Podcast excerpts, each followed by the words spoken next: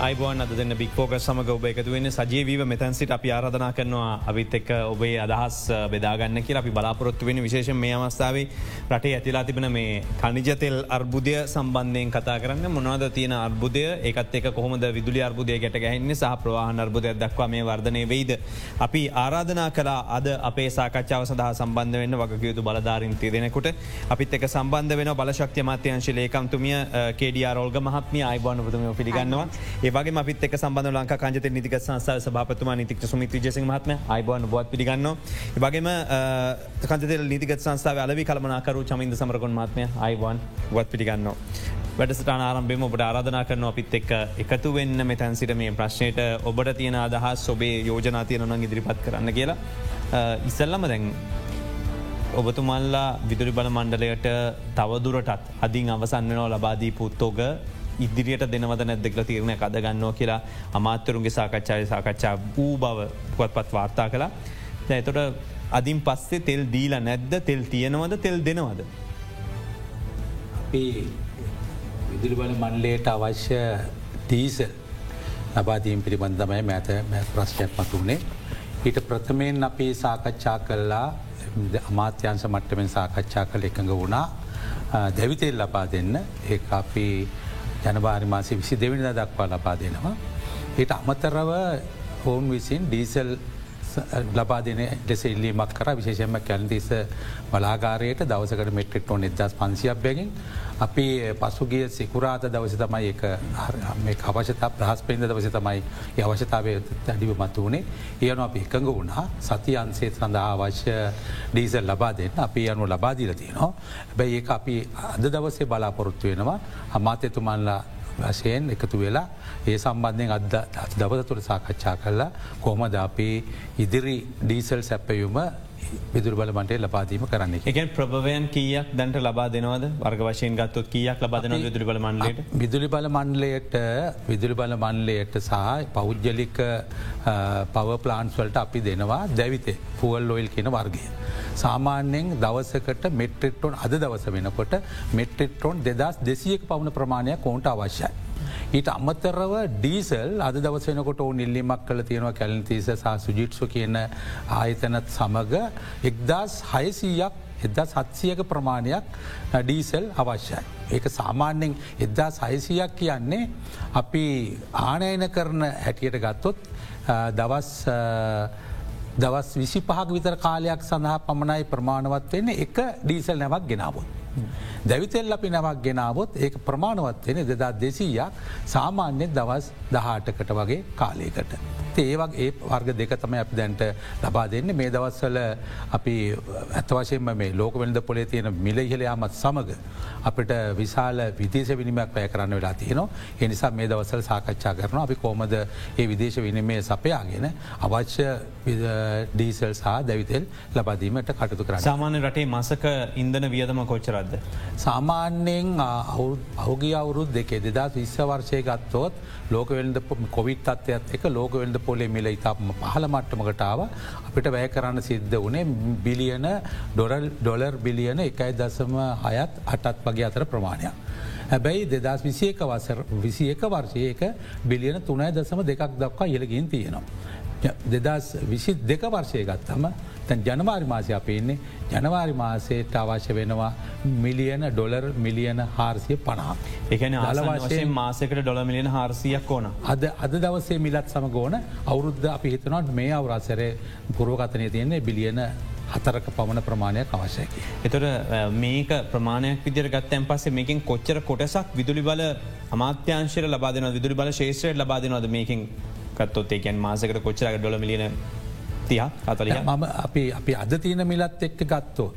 දවස් විසි පහකට ප්‍රමාණවත් වෙන ඩීසල් ආනයනක ලබා දුන්නොත් ඩොලර් මිලියන විසි අටත් තිස් පහත් අතර තිස් දෙකත් අතර ප්‍රමාණයක් අපිට අවශ්‍ය වෙනවා. දැවිතෙල් වලටත් ඒ වගේ ප්‍රමාණයක් සාමාන්‍ය මෙට්‍රික් ටොන් තිස් පන්දහත් අතලිස් දා අතර ප්‍රමාණයක් ආනයනකරොත් ඒකත් මිලියන තියක පවන මුදලා. ඕගමත්ම දැම් මේක දෙදස් දහනමේ වසර සංඛ්‍යාලේකන වාර්තා එක් තිබිච්ච කාරණය ගත්තෝති මේක සමස්යක් විදිර ගත්තම රටේ සමස්ස අපනයන ආනයන වියදමින් සියට දහටක් විතර නියෝජනය කර. දැම් මේ ප්‍රමාණය වැඩි වෙලා අඩු වෙලාද? මේ වෙනකට මේ ප්‍රමාණය වැඩි වෙලා තින අද ගත්තහම එක සියට විසි පහක් වගේ මට්ටමකට රටේ ආනයනයෙන් හතරෙන් එකක් හතර කනිචතෙල් එතට ඒකෙන් විදුලි බල මණ්ඩලයට අපි ලබා දෙනවා. සාමාන්‍ය මේක නුදර ඩොලම්ලින තියක විතර මසකට වියදමක් යන ඒයට ලබාදීම සඳහා. ඇත්තටම මේක වෙනස් වෙනවා. කාලෙන් කාලට වෙනස් වෙනවා. කියන්න අපි උදාහරණයක් විදිට ගත්තොතින් පහුගිය දෙදස් විසියක අවුරුද්දේ නොවම්බර් දෙසැම්බර් මාස්වල වැඩි ප්‍රමාණයක් විදුලිය නිෂ්පාදනය වුණේ ජල විදුලියෙන්. එතකොට ඒ වෙලාවේ අපිට ඇත්තටම දැවිතෙල් සහ ඩීසල් සපයාදීමේ අවශ්‍යතාවයක් උනේ නැහැ. විදුලි බල මණ්ඩලය ජලවිදුලියෙන් සහ ගල්ලංගුරු බලාගාරවලින් ඒ අවශ්‍යතාවය සම්පූර්ණ කරගත්තා. ඒ නිසා ඒක වෙනස් වෙන දැන් අද ගත්තොතින් මේ ජනවාරි පෙබරවාරි මාර්තු වගේ වෙනකොට වියලි කාලගුණක තත්වයක් එනකොට ජලවිදුලියෙන් පෞගිය කාලේ විදුලි බල මණ්ඩලය සංඛ්‍යාලයක නනු මංගිතන සියට පණහත් හැටත් අතර වගේ ජලවිදුලිය තමයි නිෂ්පාදනය කරේ. දැන් අද ඒක තියට තිහට විතර වගේ අඩු වෙලා කියලයය කියනවා. එතකොට අන්නේ ඒ යම් යම් කාලසිමංවල තියෙන මේ දේශගුණික තත්වයන් ඒ ජලවිදුලිය මූලාස්ත්‍ර විදුලි බලය නූලාස්ත්‍රත් එක්ක ගත්ත හම වෙනස් වෙනවා. අපිට විශේෂෙන්ම මේ ජනවාරි පෙබරවාරි වල තමයි මේ ඩීසල් සහ ඩීසල් වලට සහ දැවිතෙල්වලට වැඩි ප්‍රමාණයක් යොදවන්ඩ වෙලා තියෙන්නේ. මංහිතන්නේ ඒක මාසයක අවශ්‍යතාවය ගත්තොතින් ඩොලර් මිලියන අසුවක් විතර වගේ ප්‍රමාණයක් වෙනවා කියන්න අපිට දැවිතෙල් සහ ඩීසල් සපයාදීමට. දැන් විගනකාධිපති වාර්තාව කියනවා අභ්‍යන්තර ප්‍රවාහනට අමතරව දේශය හා විදේශය ගුවන්සේවන් සඳ ඉන්දන සැපීම මෙන්ම විදුලි බල නිෂ්පාදනය ආරක්ෂක අංශල ඉන්දන අවශ්‍යතා සම්පාදනතු කර්මාන්ත සඳහ දිවෙනතුළ ප්‍රමාණවත් ඉන්දන තොක පවත්වා ගැනීම අත්‍යවශ්‍ය නිසා විදිමත් ලෙස ගණනය කල පුරෝකතනයක ලබන ආරක්ෂිත ඉදනතොක බ ස්ටෝක් එකක් රටතුර පවත්තගත යුතුයි කියලා දැන් එහෙමකත් තියෙනවද රටේ. එක යම්කිසි මට්ටමට අපි ඇතරම් පවත්වාගෙනවා ඒකන දින කියකට විතර සාමාන්‍ය අපි ගත්තොතින් අපි මේක තියෙනවනේ අපේ ප්‍රධාන වශයෙන් ඉන්දන වර්ග හතරක් තියෙනවා. එකක් තම අපි කවරුත් කියන ඔක්ටේ 92 නැත්තම් පෙටල් 92 95 එතකොට ඔටෝ ඩීසල් සහ සුපඩීසල්. එතකොට අපේ අද අද ගත්තොතින් සම්පූර්ණ පාරිභෝජනය ගත්තොතින් ඔටෝ ඩීසල් කියන වර්ගේ ඔටෝ ඩීසල් කියන එක දවසකට අපිට අවශ්‍ය වෙනවා මෙට්‍රික්ටොන් පන්දස් පන්සීයත් හයිදහත් අතර වගේ ප්‍රමාණයක් දෛනිකව මේ දෛනික ඉල්ලුමක් තියෙනවා. එතකොට අපි ගෙන්න්නන නැවතෝගයක් මෙට්‍රික්ටොන් තිස් පන්දහත් හතලිස් දහත් අතර වගේ ප්‍රමාණයක් තමයි නැව් නැවක තියෙන්නේ. ඉතින් ඇත්තරම මේ එක නැවක් ගෙනාපු හාම දවස් පහක් හයක් යනකොට ඒක ඉවර වෙනවා. ඉතිං නමුත් අපි නැව ඉවර වෙන්න කලින් අපි කොහොම හරි දවස් අවම වශයෙන් දවස් සති දෙහෙක සති දෙහෙක දැන් ඔප නයින් සාමානෙන් ගත්තොත් ඒ ගානෙන් බෙදුවත් පසකද තිස්පයි දවස් සතකට වගේ තමයි තියෙන්නේ. එතකොට කලින් ගෙනපුත් තියනවනි කලින් ගෙනපත් තියෙන සති දෙක වගේ අපි හැමවෙලේම බලාපොරොත්තු වෙනවා මේ තියෙන තියාගන්න. බපොස්ටොක්ක තියන්න සති දෙක ඇතරම 95 සහ සුපඩීසල් ගත්තොති මාසක වගේ ප්‍රමාණයකට තියෙනවා. එමක ඒක පාරිභෝජනය අඩු ඇතර මේ මෙට්‍රික්ටොන් වලින් ගත්තොත් පන්සියකට අඩු ප්‍රමාණය එතකොට අපිට මේ ප්‍රශ්න තියෙනෙ ඔක්ටෙන් 92 සහ මේ සුප ඔටෝ ඩීසල් කියන එක. ඒත් අපි සති දෙහෙක වගේ කොහොමටත් ඒ ප්‍රමාණයත් පවත්වාගෙන යනවා කණ්ඩ. දැන් ඊයේ ඇමතිතුමා කියනවා අපි ගාව නැව් දෙකක් තියෙනවා අවශ්‍ය වනෝතින් ගෙවීමකරොත් නැවයික්මට ගෙන්න්න පුළුවන් කියලා. එකන්නේ ප්‍රශ්නයක් තියෙනවා ගෙවීම නොකරනකම් මුහද තියෙන නැව ගෙවීමොත් තමයි එන්නේ කොයි වෙලා හරි අර්බුදයක් එන්න පුළුවන් කියන නේද මේකින් කියන්න. දැනට අබං මේකට පොඩක් තව කරුණට කීප එකතු කරොති. අපේ කන්තෙල් නීතිකත් සංස්ථාවේ ආනයන කරන ඉදන ගබඩා කරන්නේ කොළොන්නාව සහ මුතුරාජවල කියන ටැංකි සංකීර්ණ දෙකේ. ඒක CPST ලායිතනය තමයි කළමනා කරණය කරන්න. දැ මේ ස්ථාන දෙකේ අපිට අපි උපරිම ප්‍රම්තෝග පවත්වාගෙන ගියත් අපිට සාමාන්‍යයෙන් දවස් විසි පහක් විසි අටක් වගේ ප්‍රමාණයක් පමණයි රඳුවගන්න පුළුවන් ගෙන්න්න පුළුවන් එන්නේ.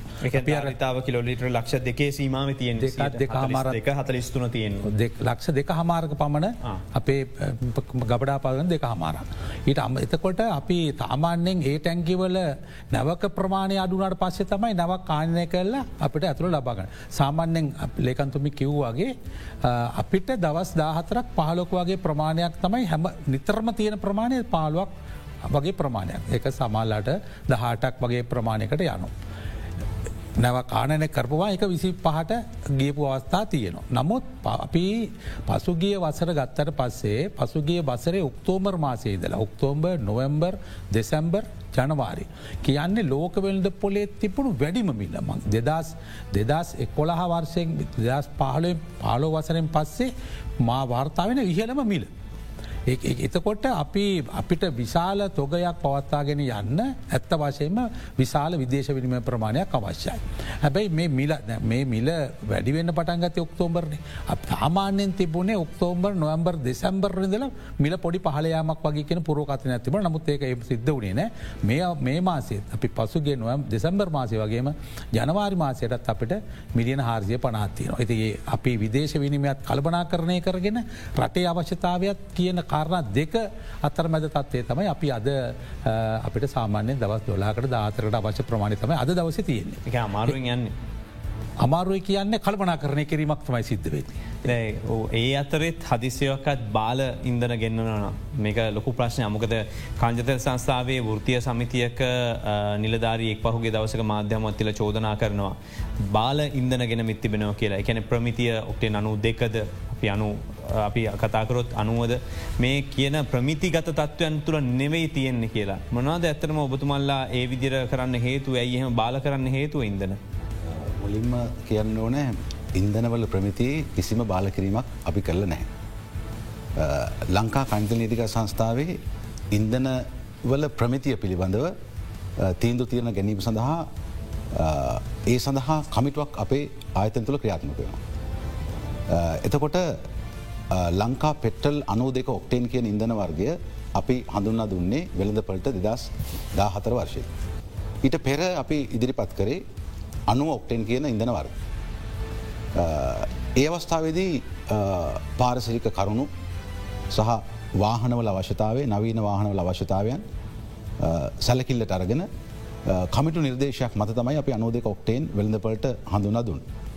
අපි ඉන්දන නැවක් ආනයනය කරන්න පෙර ඒ කටයුතු සියල්ලක්ම සිද්ධ වෙන්නේ රජයේ ප්‍රසම්පාදන ක්‍රියාවලීට අනුකෝල. ඒ ප්‍රසම්පාදන ක්‍රියාවලීන්න ප්‍රධාන ආයතන දෙකක් තමයි තාක්ෂණික ඇගීම් කමිටුව සහ ප්‍රසම්පාදන කමිටු.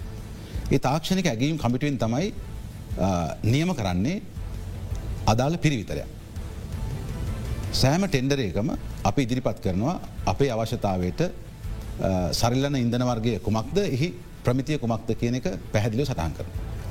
ඒ අනුව සෑම සැපයුම් කරුවක්ම මෙතෙක් අපිට සැපියුම් කරලා තිබෙන සෑම සැපියුම් කරුවක්ම ඒ ටෙන්ඩර එකට අනුකූලව තමයි අදල් නැව්ගත කිරීම කරලති. ඒ සඳහා ඒ අදාළ ටෙන්ඩරකේම ඒ ප්‍රසම්පාදන ක්‍රියාවලීම කොටසක් විදිර තමයි අපි ස්වාධීන පරීක්ෂකවරයකු නම් කරන දෙපාර්ශවය එකඟතාව මත. මිලදී ගන්න අපේ ආයතනය සහ සැපියුම් කාර සමාග එකඟතාවේ මත ස්වාධීන පරීක්ෂකවරයකු ඉන්ඩිපෙන්ඩන්් සර්වයකෙන්. ජාතියන්තර ප්‍රමිති සහති කළත් ආයතන තම මේ රාජකාරි කර. ඒ ආයතන විසින් නැව්ගත කිරීමට පෙර අපගේ ඉන්දනොල ප්‍රමිතිය අපගේ පිරිවිතරයන්න ගැලපෙනවාද කියලා පරීක්ෂා කළ බල අපිට වාර්තාවක් සපේ.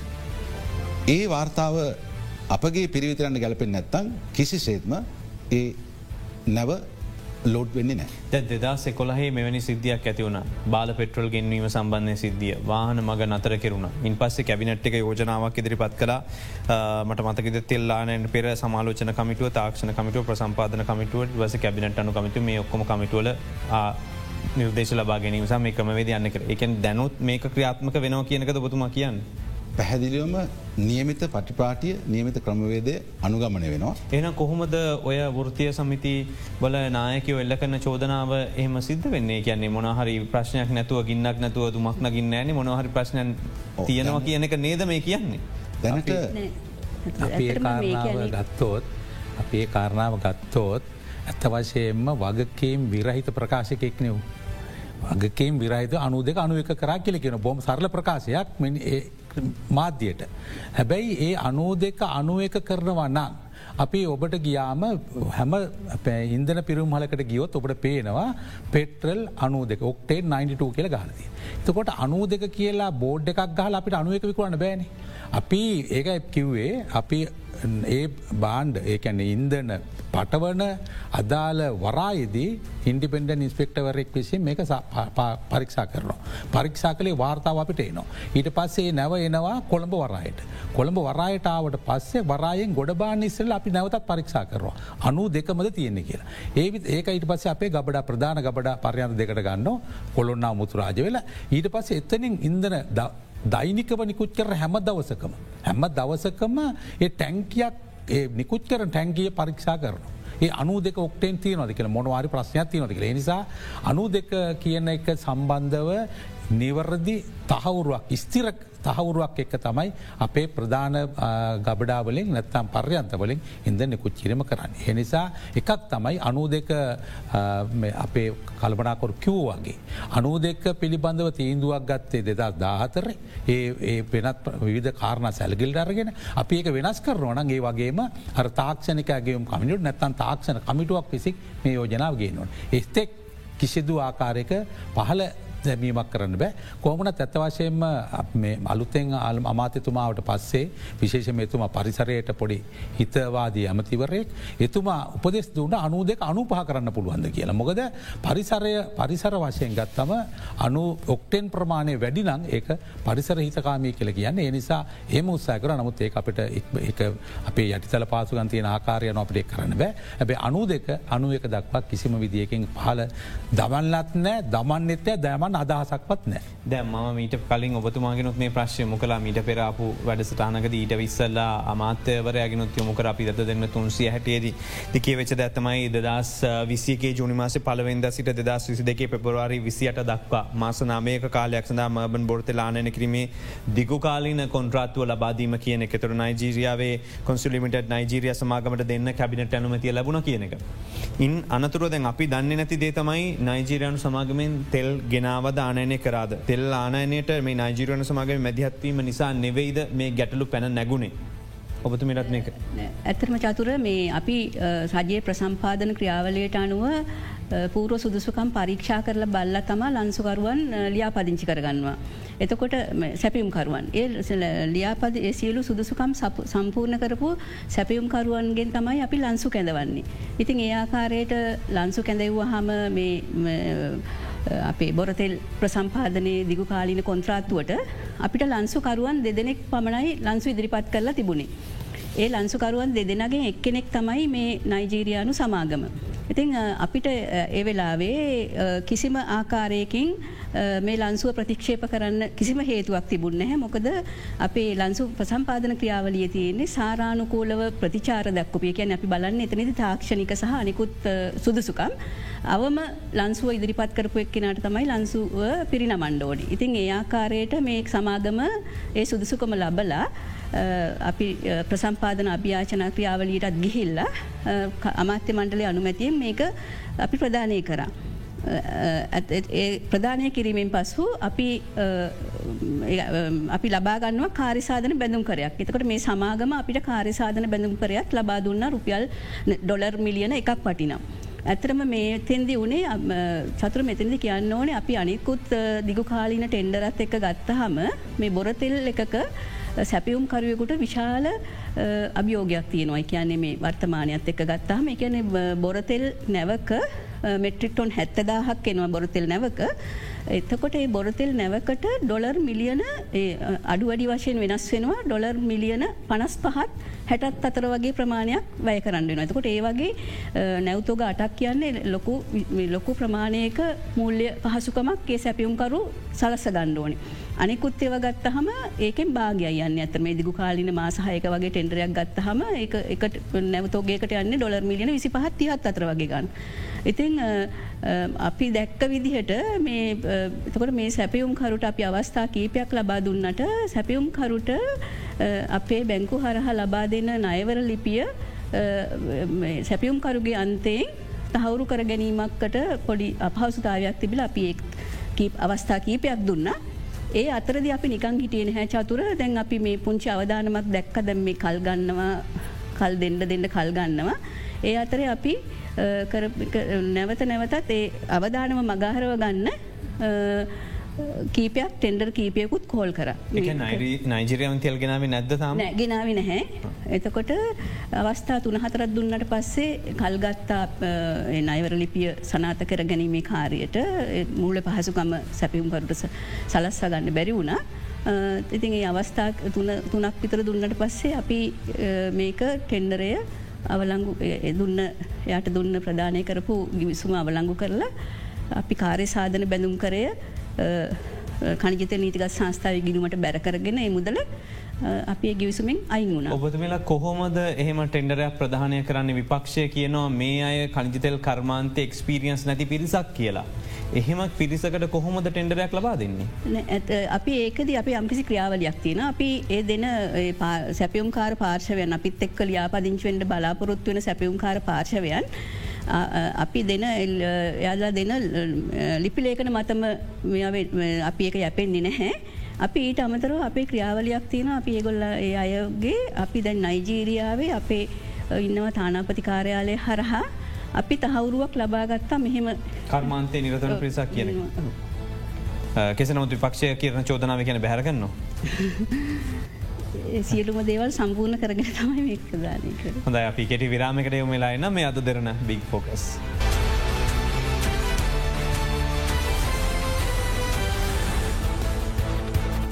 බැලි අදරන බික් ෝක සම එකතුවෙන බලශක්ති මාත්‍යංශ ලේකම්තුමා එක තුලා ඉන්න අපිත් කංචතෙල් නිදිග සංසය සභාපත්තුමා සහ අලවේ කළමනාකරක තුලා ඉන්න මේ සාකච්ඡාවස්ථාව ප්‍රශ්න කළේ ඇතර මේ ලබාදුන්නු ටෙන්ඩර කොහොමද ගිය කියන අවසාන වශයෙන්. තැම් මේ මගේ කෙලින් රිජු ප්‍රශ්නය දැන් ඔබතුමල්ලා අමාත්‍යංශ විදිරත් මේ කංචතල නිදික සංසාාවදිරත් විදුරි බල මණ්ඩේට අවශ්‍ය තෙල් ප්‍රමාණය ලබා දෙනවද විදුලි උත්පාදනයට නැද්ද අද ඉඳලා. අපි මේ සම්බන්ධයෙන් පැහැදිලි කරාවගේ සති අන්තයේ සඳහා අවශ්‍ය හදිසි අවශ්‍යතාවයක් ඇටේ සල කලා පික ලබා දුන්නා. අපි අද දවසේ අද අද දවසේ අමාත්‍යතුමන් ලද අමාත්‍යංශ දෙක විදුරබල අමාත්‍යන්සත් බලසක්ති අමාත්‍යංශත් මේ සම්බන්ධ සාකච්ඡා කරනවා. අපි ඇත්ත වශයෙන්ම ඇමතුමා පැහැදිලි කල තිබුණ අපිට ආනයන කරන ලද්ද ඉන්දන තොග කීපයක් අපි ලැබීමට තියෙනවා. ඒ අනුව අපිට ඉදිරි මේ විදුරබල ඇමාත්‍යතුමා විසින් ඉල්ලියමක් කරලා තියෙන්නේ තවත් දින හතරක් සඳහා තමයි අවශ්‍ය වෙන්නේ. නොරොච්චෝලය අපහු ක්‍රියාත්මක කරන්නකොට මේක අවශ්‍ය වෙන්න නෑ කියන එක. ඒ අනුව අදවසාකච්ඡා කරලා අපි ලැබෙන තොගවලින්. අපට එකගත්තය හදාගන්න පුළුවන්න අපට එක ලබාදීමට කටයුතු කරන්න පුළ. අමාතතුමා සඳහන් කරන මේ ප්‍රශ්නය තාම මුල විතරයි ප්‍රශ්නය ඉදිරියට එන්නේ මාර්තු මාසේ වෙනකොට අප්‍රේල් වෙනකොට මේක මිට ලොකු තත්වකටේ කියලා. ඉති විදුරි බලා විදුරි බල මණ්ඩලට අනිවාර මේ කාලවකුවන් ඩීසල් සහ අනිකොත් ඉන්දන ලබාදිය යුතුම වෙනවා. දැන්ටමත් මෙහම ප්‍රශ්නයන්න තියෙන දුන්න නැත්නම් ලොකු ප්‍රශ්නකට යනවන අපි. තැන් අපි මේක චතුර බලන්න වෙන්න මේ විදියට. අපි දෙදස් විස්සේ මාර්තු මාස වෙනකොට බිලියන අනුවටක් විදුරු බල මන්ලය කන්දේ සංස්ථාවට නයිතුුණ රුපියල් බිලියන අනුවට. ඊට පස්සේ ඒ කාලය තුළදී ලෝකවෙල්ද පොලේ තෙල් මිල අඩුවීම නිසා ඒ මුදල් අමාත්‍යන්සේ විසින් බිලියන පණහක මුදලා. බදු වශය එකතු කරපු බිලියන පණහක මුදලක් විදුරු බල මල්ලට දුන්න. ඒ විදුර බල මණ්ඩලේ අපේ නැවතත් කන්තෙල් සංස්ථාවේ නය පියෝපු නිසා ඒක බිලියන හතලි සටකට අඩුවන. එකන මේගල මන්ත්ලි පේමට එකක් කරනවත් දට තියෙන විදිහට නැත්තන් එක පාරද ගෙවන් කොහොමද ගෙබන විදි ඔල්ගමහත්ම. එක වරින්වර සමහ වරින්වර එක මන්ත්ලි බේසිස් එකන මාසික පදනමින් ගැවීමක් සිද්ධ වෙන්නේ නැහැ ඇත්තටම. අර සභාපතිතුමා කිව්ව වගේ දෙදස් විස්සේ මාර්තු අප්‍රේල් වගේ මාසවල මහා බාණ්ඩාගාරයේ මැදිහත්වීමෙන් ඒක මිලියන රුපියල් බිලියන අනුවටක වගේ තිබිච්ච ප්‍රමාණය රුපියල් බිලියන පණහකින් අඩු කරගන්න පුළුවන් වුණා. ඉතින් ඒ ප්‍රමාණයෙන් පවත්වාගෙන ආවී කියන බලාපොරොත්තුව තිබුණත් නමුත් ආපහෝ වනේ අද වෙනකොට නැවතත් රුපියල් බිලියන අනුතුනක් වගේ මට්ටමට ඇවිල්ල තියෙන හතලයක් වැඩි වෙලා තිබෙනවා කියන්න. අනුහයක් දක්ව අනුහය සොත්ලිසය ඇතම චතුර මෙතැදි කියනවනම් අපිට අපිට දැන් තෙල්ගෙන්න්න ඩෝනි ඩොලර්. නමුත් මේ විදුලි බල මණ්ඩලේ යම්කිසි ආකාරයකින් මේ තියෙන ණය ප්‍රමාණය පියවීමක් වෙනවනම් අපිට ඇතරම මේ වෙලා රුපියලුත් ඕන වෙනවා. උදාහරණයක් විදිට කිව්වතින් පහුගිය මාස දෙකේ කියන දැන් බැංකුවලට බැංකුවලට ගෙවන්න ඩොලර් නය තියෙනවා කනිජතෙල් නීතිගත් සංස්ථාවේ. එතකොට අපි නයවර ලිපි විවෘත කරලා ඒ බැංකු ඒවා පිය වන්ඩෝනය අදාළ දවසට. එතකොට බැංකු මේක පියව ගන්නේ උදාහරණයක් විදිට ගත්තොතින් දෙදස් විසියකේ නොයම්බර් සහ දෙසැම්බර් මාස දෙකේදී අපේ කනිතෙල් නීතිගත සංස්ථාවේ ගිනුම්මල තිබිච්ච රුපියල් පාවිච්චි කරලා මේ බැංකු බැංකු පද්ධතිය වෙළඳපලට ගිහිල්ලා ඩොලර් මිලියන හත්සිය අනුවක වගේ ප්‍රමාණයක් බිලදී අනන්තිනවා අපේ අය පියවන්ඩ. ඉතින් ඒආකාරයට බැලුවහම බැංකුවලට යම්කිසි ආකාරයකට මේ වෙළඳපලට ගිහිල්ල ඩොලර් මිලදීගෙන ගැනීම හරහා කරන්න වනත් අපිට රුපියල් තියෙන එකත් මේ වෙලාවි ගොඩක් පටින. දැ මට තියෙන ප්‍රශ්නය මේ අය කියනව විදුරි බල මන්ඩ ඉංජිනේරු සංගම් ප්‍රකාශ කරනවා අවුරදු හයකට වතාවත් කරන්න තියෙන අලුත් වැඩියා කිරීම් කරලා නෑ කියලා. තොට මේ නොරච්චෝලේ. තොට ඒ අය මේක කරන්න ගියෝතින් දින සීයක විතර කාලයක් සමට ගතවේවි කියලා කියනවා. එත්තකොට දැන් ගෙවිච්ච කාලේ ජලවිදුලියෙන් දුවන කාලයක් තිබුණ. මේ ජලවිදුලියෙන් දුවන කාලේ ඒ අයි මෙකහන්න නේයගෙන් ඒ අය ඇයි මේ අලුත් වැඩියාවලට කිය නැත්තේවා හදාගත්ත නැහැ කියනක ප්‍රශ්නයක් විද තියෙනවා. ම ඔබතුමාලගෙන් අහනවා ඒ කාලේ අදාළ ඉන්දන සැපයුම දැනට තියෙන තත්වටට අඩුනාද කොච්චර ප්‍රමාණයක් ලබා දුන්නද? මේ ප්‍රශ්නවට විදුලියෙන් දවාගන්න එමනත්ත මේ වෙලාේ අපිට තිබ්බද? ගැන සැලස්මක් හදලා ඒ අවශ්‍ය වෙලාවෙදී අපි ඩීසල් වලින් දුවලා අලුත්තඩියාවට ගිහිල්ලා එම තත්ව තිබ්බද කියල මේ ප්‍රශ්නය අපහු අහගන්න ඕම හිද ඔබතුමාගේ ඩේටක මංහ නේකාලෙ ගත්තද කියනක. අපි ඇත්ත වශයෙන්ම විදුරි බල මල්ලයත් එක්ක සාකච්ඡා ආරම්භ කරේ තිවකාල නයමුදල් ඉක්මනින් ගෙවන්න කියන කාරණාව. ඒ අවස්ථාවේදී අපි සාකච්ඡාවලද මතුවුණු කාරණය තමා ජනවාරි මාසයක් තුළත් දැවිතෙල් අවශ්‍ය වෙන්නෙත් නෑ කියන වගේ ස්ථාවරකටාව. හැබැයි හදිසියේ කැන වැසි ජලය නැති නිසා ඔවුන්ට දැවිතෙල් එකතම් පුවල් ඔොයිල් අවශ්‍යය කෙල්තපට අපික ලබාදුන්. ඇත්ත වශයෙන්ම දෙසැම්බර් දෙතැම්බර් මාසය ගත්තොත් ඩීසල් බලාගාර වැඩකර නෑමකද එම වැඩකිරීම අවශ්‍යතාව ඇතිබුණ සාමන්‍යෙන් විදුරි බල මල්ලයත් ගණන් හදන්නේ වැඩිම වියදමක් තියෙන ජනනය කරන අන්සයෙන් යාල මිලදී කැනීමක් සිද්ධ කරන්න ඉස්සල්ලම ජලවිදුරිය බලනවා. ඒවගේ සූලාන් සූර්ය බල මේ කියන කාරණාවලින් අරගෙන දැවිතෙල්වලනුත් අරගෙන එක බැරුණොත් තමයි ඩීසල්වලට යන්නේ. ඩීසල් පසුගිය දෙසම්බර් මාසය තුළත් අත්වශම ඩීසල් ලබාදීමක් සිද්ධ කරන ස්කැල්නිතිස බලාගාරය පොඩි ඒකත් නඩතුකට වගේ ඇතිබුණ ඩැල් ඇත්ත වශයෙන්ම ඩීසල් අවශ්‍යතාව පතුනේ නෑ මේ අදෙස් මේ ජනවාරි මාසය පොඩි හදිසි අවශ්‍යතාවක් ඇයට තම මේ අද මත්වෙලා තියෙන්නේ ඔබතුමල ලග තෙල්තොක තිබිච්ච දේවල් වෙනත් ප්‍රටවලට අපනයනය කිරින් පවා සිද්ධ වෙලා තිබෙන නේද. උදානයක් විදිට ගත්තොතින් අපේ පිරිපහදුව නිෂ්පාදනය වෙනවා ඔය දැවි තෙල් සහ නැප්තා කියන එක. ඉතිං ඔය නැප්තා කියන එක පහුගිය කාලෙම විදිලි බල මණ්ඩලයෙන් මිලදී ගැනීමක් සිද්ධ වනේම නැති තරමටම එතකොට අපි ඒ නැප්ත කරන්නේ අපිට තොග එකතු වනහම එක නැවකට ප්‍රමාණවන්තට විදිහට පෞගිය කාලෙම අපි නැප්තා මේ අපනයනය කර. ඒ වගේම එක අවස්ථාවකදී අපි ඔය දැවිතෙල් පෞගි අවුද්ධ එක අවස්ථාවකද දැවිතෙලුත් අපනයනය කරන්න කටයුතු කරලා තියෙනවා. ඒගැන මේ ගොල්ලන්ගේ දිම මේ දැවිතෙල් කියන ඒක ස්ථාවර නැහැ එක වෙනස් වෙනවා තියාගන්න ඉඩ නැති හින්ද යාගන්න ඉඩ නැතිහිද අපි අපනයනය විදුලමල්ලගේ අවස්ථාව ඉල්ලලායගේ අනිත් ඔන්නන් බලාගර දුල ලොත්තඩියාවගේ දෙවල් කරන්න තිබුණා. අදාල නෑ වගෙන ඒ අසාධාන ප්‍රශ්නය කියලම විශවාස කරනවා අහන්නේ ප්‍රශ්නය ජනතාවට යොමු කළ යුතු ප්‍රශ්නය නිසා චමින්ද මහත්මය දැන් හදිසියක අපි හැමතිස්සම දකින දෙයක් තමයි තෙල් හිගයක් කෙනවා හෙට තෙල් නැතිවන ද අවස්ථත් තුනකද මේ තත්ව ඇතිවුණ රටේ. ඔබතුමලකොත් තෙල් දෙනවා කියලා දුන්න. දැන් ප්‍රාදේශය වශයෙන් ගබඩාවල මේ අවශ්‍ය ප්‍රමාණ තෙල් ගබඩා කල තියනවා. දෙම ඉගයක් ඇතුනොති මේ කල්මනා කරන කරගන්න පුළුවන් දෙක මිනිස් වදසිව ඉගයක් ඇතිවෙනකම ඇවිල්ල තෙල් ගන්න ගත්තවති මේකට මුණදෙන පුළුවන්ද. අපේ ප්‍රධාන මුතුරාජවල සපුගස්කන්ද සහ කොළොන්නාව කෙන පරයන්ත තුනට අමතරව ප්‍රාදේශය මට්ටමෙන් අපේ ගබඩ අතිබෙනවා ඒ ප්‍රාදේශය ගබඩාවල ආසන්න වසයෙන් තියෙන දින තුනකට සරලන අවශ්‍යතාවය පමණ. ඒවගේම දිවයින පුරා ඉදන පිරෝම්හල් එක්දස් තුන්සේකට ආනසන්න සංඛ්‍යාවක් තියෙනවා. ඒ සියලුම ඉදන හල්වල තියෙන බූගත තඩාග පහසුකම් සලකා බැලුවොත් දින දෙකක් තුනක් වගේ කාලෙකට තමයි සාමාන්‍යින් ඉඳන ගබඩා කළ තිබේ. දැහත් මේ යන විදිහ බැලුවෙන් පස්සේ අනිවාරෙන්ම ඉස්සරහට කල්ජතෙල් අර්බුදයක් ආවෝතින්. විශේෂෙන්ම කංජතල සංස්ථාට බැරිනු තුදුරි බණ මන්දයට අවශ්‍ය ඒ විදුලි විදුලි නිෂ්පාදන සඳවශ්‍ය කරන ඉන්දන ලබා දෙන්න. අනිවාර්යම ඒ අය කියලා තියෙනවා අපි අයෝසයකින් උත්සාහයක් කරන කෝමහරි ඇත් එක් සහයෝගින් වැඩ කරන්න කියලා. ඉති එහමුණ ඩොලර් නැතිවුණොත් සංස්ථාට දෙන්න අයෝසික ප්‍රශ්නයක් වෙන්න ඒ ගෙනල්ල දුන්නොත් ඒ අයට ඒකාධිකාරය බිද වටන දෙසිය පහටනත් එයට දෙන්න පුළුවන් මිට තීරක අයගොල්ල වෙන්න පුළුවන් මේ විදිර ගියෝතින්. IOC සමාගමත් සමග සාකච්ඡා කරන මොට පසුබිම් පිළිබඳව අපිට අදසක් නෑ.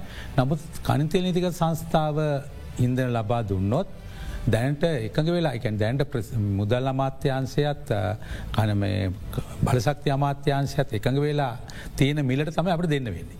උදාහරණය ගතොත් අපි එකසි හතලිස් හයට ගේන ලීටරේ අපි දෙන්න එකසි විසියකට. එක ඉදිරියේදත් අපි ආනයන කල විදුලි බල මල්ලත් එක්කට තමාත්‍යයන් සත එක ගුණොත් අපිට සිද්ධ වෙන්නේ අමාත්‍යංශය මගින් නිකුත් කරන ලද මිල ගණන් මත ලබා දෙන්න. එල්ල යෝසි සමාගමත් සමඟ කරන්න පුළුවන් ගණු දෙනුව ඇත්වශයම එල්ල යෝසි සමාගම ලබාගත්තයි කියන එක පිළිබඳව අපිට ප්‍රශ්යක් නෑ. මොකද අපිගත් අපි අපි ලීටරයක් එක අතලි සෑට ගල එකතිය විසිකට විකුණවා කියන පාඩුවනි ඒක නිසා එල්ලා යෝසි සමාගම ඊට වඩ අඩුවට ලාබට ගන්න පුළුවන්න ඒක විදුල බලමල්ලය කරන හොඳ ක්‍රියාවක්. මම දන්න ඒක මොනාකාට කරන්න පුළුවන් මේක මේ ප්‍රයෝගක දැගල ඩොලවලින්ද මේකෙත් ගෙවීම කරන්න ඕන? මනත්තන් අපට ඉන්දියන් රුපිස්වලින් මේ ගෙවීම කරන්න පුළුවන් මොකද තත්වේම ඒමකට යන්න පුළුවන් බතුම අමාත්‍යංශ ලේකම්වරයක් විදිර තියන් තත්ව ගැන? ඇතරම අපි දන්න තරම් අපි අමාත්‍යංශ විදිර දන්න තරමට අමාත්‍යංශයට ඉල්ලීම් මෙනවා අයෝසි සමාගමනුත් ලංකා අයෝසි සමාගමින්. ඒකන ඒගොල්ල වනත් මේ ඉන්දන ආනයනය කිරීමේදී එගොල්ලන්ට ඩොලර් ප්‍රශ්නයක් තියනවා. ඉතින් ඒගොල්ලොත් අපේ අමාත්‍යංශය මැදිහත්වීමෙන් බාණ්ඩාගාරි මැදිහත්වීමෙන් තමයි ඒ අවශ්‍ය ඩොලර් සම්පාධනය කරගන්නේ. ඉතින් ඒ කිය ඒගොල්ලන්ට කියලා වෙනම මේක ගෙන්න්න විදිහන්න න. ඒ අනිවාරෙන් බාණ්ඩාගාරී ඩොල කරන්න ඩොල ඩොලර් වලින් ඒකන මේක මෙහින්දුන්නත් එහෙන්දුන්නත් එකයි හැබැහෙම දෙනවන කැමති ඒ ගැන්නේ තියෙන පාඩුව සම්බන්ධෙන් ප්‍රශ්නට. එම පුළුවන්න මම එක සාකච්ඡා කරන කාරණාවක් මංහිතන්නේ සාකච්ඡා ප්‍රතිඵල බලාගන්න ඕන අපේ. හමස්තයක් වශයෙන් ගත්තහම ලංකා යෝසි සමාගම රටේ මුළු අවශ්‍යතාවෙන් සියට අටක් විතර වගේ තමයි සම්පාධනය කරන ඉතින් අට තුළ මේ ගොල්ලන්ට කළමනා කරණය කරගන්න පුළුවන්න ඉතින් අපි එක වැටලුවක් නෑ.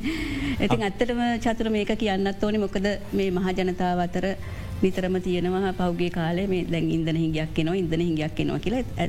කියන්න තියෙන ඇතරම අපි අමාත්‍යංශය සහ කලිගත නීතිගත් ශස්ථාව විදිහට ඉදිරි කාලසීම අපි හැමදාම හැම සතියම ලංකා විදුලි බල මණ්ඩලය ඇතුළු ඇත් සම්බන්ධ කරගෙන හැම සතියකම තියෙනවා අපේ මේ තොග තත්ත්වයන් පිළිබඳව අපි පසු විපරමක් කරනවා. ඒකන දැන් ඉස්රහට තින ඉද ඉල්ලුම් පුරෝකතනයක්ත් එක්ක අපේ පවතින තොගමට්ටම් සහ අපේ කවද අපේ නැවතුග එන්න ඕන කියන මෙව කරලා අපි අනුව ටෙන්ඩර් ප්‍රධානය කිරීමට කටයුතු කරනවා. මේ වෙනකොට අපි ඉස්සරහ ඉදිරි කාලසීමාවට අවශ්‍ය ඉන්දන ඉන්දන අපි ඒ ටෙන්ඩර් හරහා සාහිතික කරලා තියෙනවා. මේ අතර දිගු කාලීන ටෙන්ඩරුත් තියෙන උදාහනයක් විදිරගතොත් බොරතෙල්. බොරතෙල් මාස පෙබ්‍රවාරි මාසෙත් ජනවාරි මාසෙන් පටන් අරගෙන අගෝස්තු මාසය වෙනකම් එක මාසකට එක නැවක් මෙට්‍රිටොන් හැත්ත දහක නැවක් කෙන විදිහට දිගු කාලින ටෙන්ඩරයක් තින එක පලවෙනි නැවතෝගේ බොරතෙල් නැවතෝගේ ජනවාරි විසිතුන් නිදවෙනකොට එඩ නියමිත. ඊට අමතරව අපි පෙටල් 92 ඩීසල්. ඒ වගේ අයිතමත් දිගු කාලින ටෙන්ඩර් පහක් මේ වෙනකොට අපිට ඉදිරි කාල සීමාවට අපි අනු දෙක අනූ පහ ඩීසල් එක නොටෝ ඩීසල් සහ සුපඩීසල් ඇතුළුව අපි ඒක සුරක්ෂිත කරලා තියෙනවා. ඉතින් අපි හිතනවා අපි ඒ අපි සියලුම තොරතුරු බහන්ඩාගාරය සහ මහ බැංකුව අපෙන් ලබාගෙන තියෙනවා ඉදිරි කාලය අපේ මොකක්ද සැලස්ම එතකොට ඒ අය ඒ අපි ඒ තොරතුරු දීල තියෙනවා. එතකොට මහා බාණ්ඩාගාරය සහ ශ්‍රී ලංකා මහ බැංකුව මැදිහත්වීමෙන් ඒ කොහමද අයවර ලිපි විවෘත කරන්න කොහමද? ඒකට අවශ්‍ය ඩොල සපයාගන්න කොහමදගෙන ක්‍රියාවලිය නිරත වෙලා ඉන්න මේ වෙනකොට. අපි කෙට විරාමකට යොමලන්න ලිම අදරන බික් ෆෝකස්.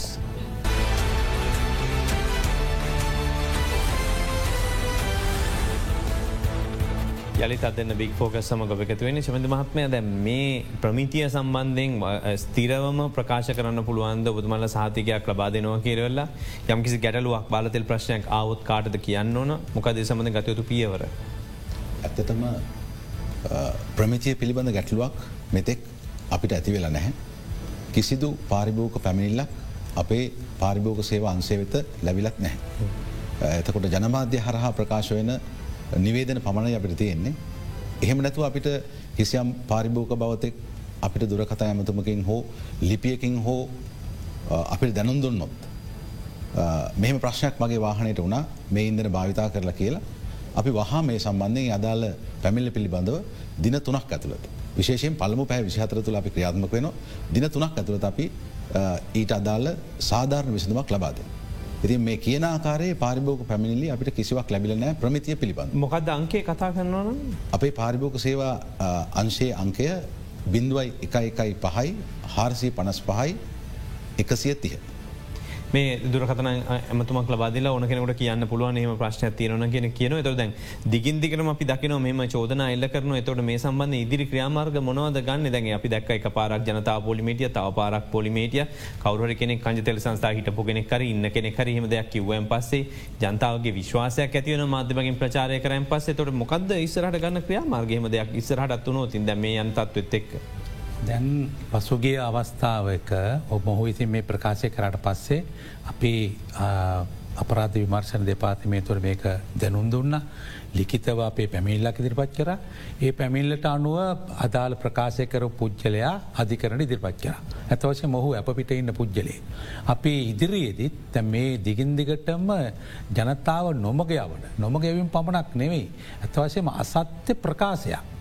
කරලා තියෙන අනු දෙක අනුව එකක් කරනවා කියලා අපි මේ සම්බන්ධව තැන්ට නීතිඥවරුට බාරදිල තියෙන අපි මේ සම්බන්ධව නීති මගින් කටයුතු කරන්න බලාපොරොත්තු වෙනවා. අවසාන වශයෙන් ජනතාවට ඕන තෙල් හිගියකින් තොරව ලබාදීම සහ ලබා ගැනීම කියන එක. තොට ඒක එහෙම කරන්න නම් ඔබතුමල්ල ගෙන්වන්න ඕන නිසි ප්‍රතිපාත් පටිපාටිරනු කටයුතු කරන්න ඕන. සාහික වෙනවද මේ අවස්ථාව හිගියකින් තොරෝ ලබා දෙනවා කියන එක. ඔව චතුරේක සහතික වෙන්න පුළුව ම කලින් කිව්ව වගේ අපි අපේ ප්‍රසම්පාදන ක්‍රියාවලිය කිසිම වෙනද වගේම සුපුරුදු විදිහට එම සතිපතා ඒ පවත්වන තොග සංචිත පිළිබඳ රැස්වීමේදී දන්න ඉදිරි පුරෝකතනයන් අනුව අපි ඉදිරි කාලසීමාවට අදාළව සියලුම ටෙන්ඩරයන් ප්‍රධානය කරලා තියනවා මේ වෙනකොට ඉතින් ඒ අනුව මහබැංකුවෙත් ශ්‍රී ලංකා මහ බැංකුවේ සහ ම කිව්ව වගේ අපෙන් තොරතුරු අරන්තියනවා ඒ අය මේට අවශ්‍ය ඩොලර් සපයා දෙන්න කොහොමද? නයවර ලිපි විවෘත කරන්න කොහොමද කියන කාරය දැනට මන් දන්න තරමට නිරත වෙලා ඉන්නවා. මං හිතනවා ඉතිං අපි ටෙන්ඩර් අවශ්‍ය දිගු කාලින් ටෙන්ඩර් වගේම අවශ්‍යතාවන උදාහනයක් ඉදිරගත්වතින් මේ දැවිතෙල් ගත්තොතින් ඒවා දිගු කාලන ටෙන්ඩර්වලින් සුරක්ෂිත කරන්න බැහැ. ඒවා කාලෙන් කාලට වෙනස් වෙන හිද ඒවත් තනි නැවතෝගයක් අවස්ථානකොලව එක නැවතෝගයක් විදිර තමයි ගේන්න පුළුව. සභාපතිතුමා කිව්ව වගේ අපි ළඟ දැනට තියෙන දැවිතෙල්වලින් අපි ජනවාරි විසි දෙක වෙනකං විදුලි බලාගාරවලට අවශ්‍ය ප්‍රමාණය සපයනවා. ඊට අමතරව අපිට තව දැවිතෙල් නැවතෝගයක් එන්න තියෙනවා පෙබරවාරි හතර පහ වෙනකොට.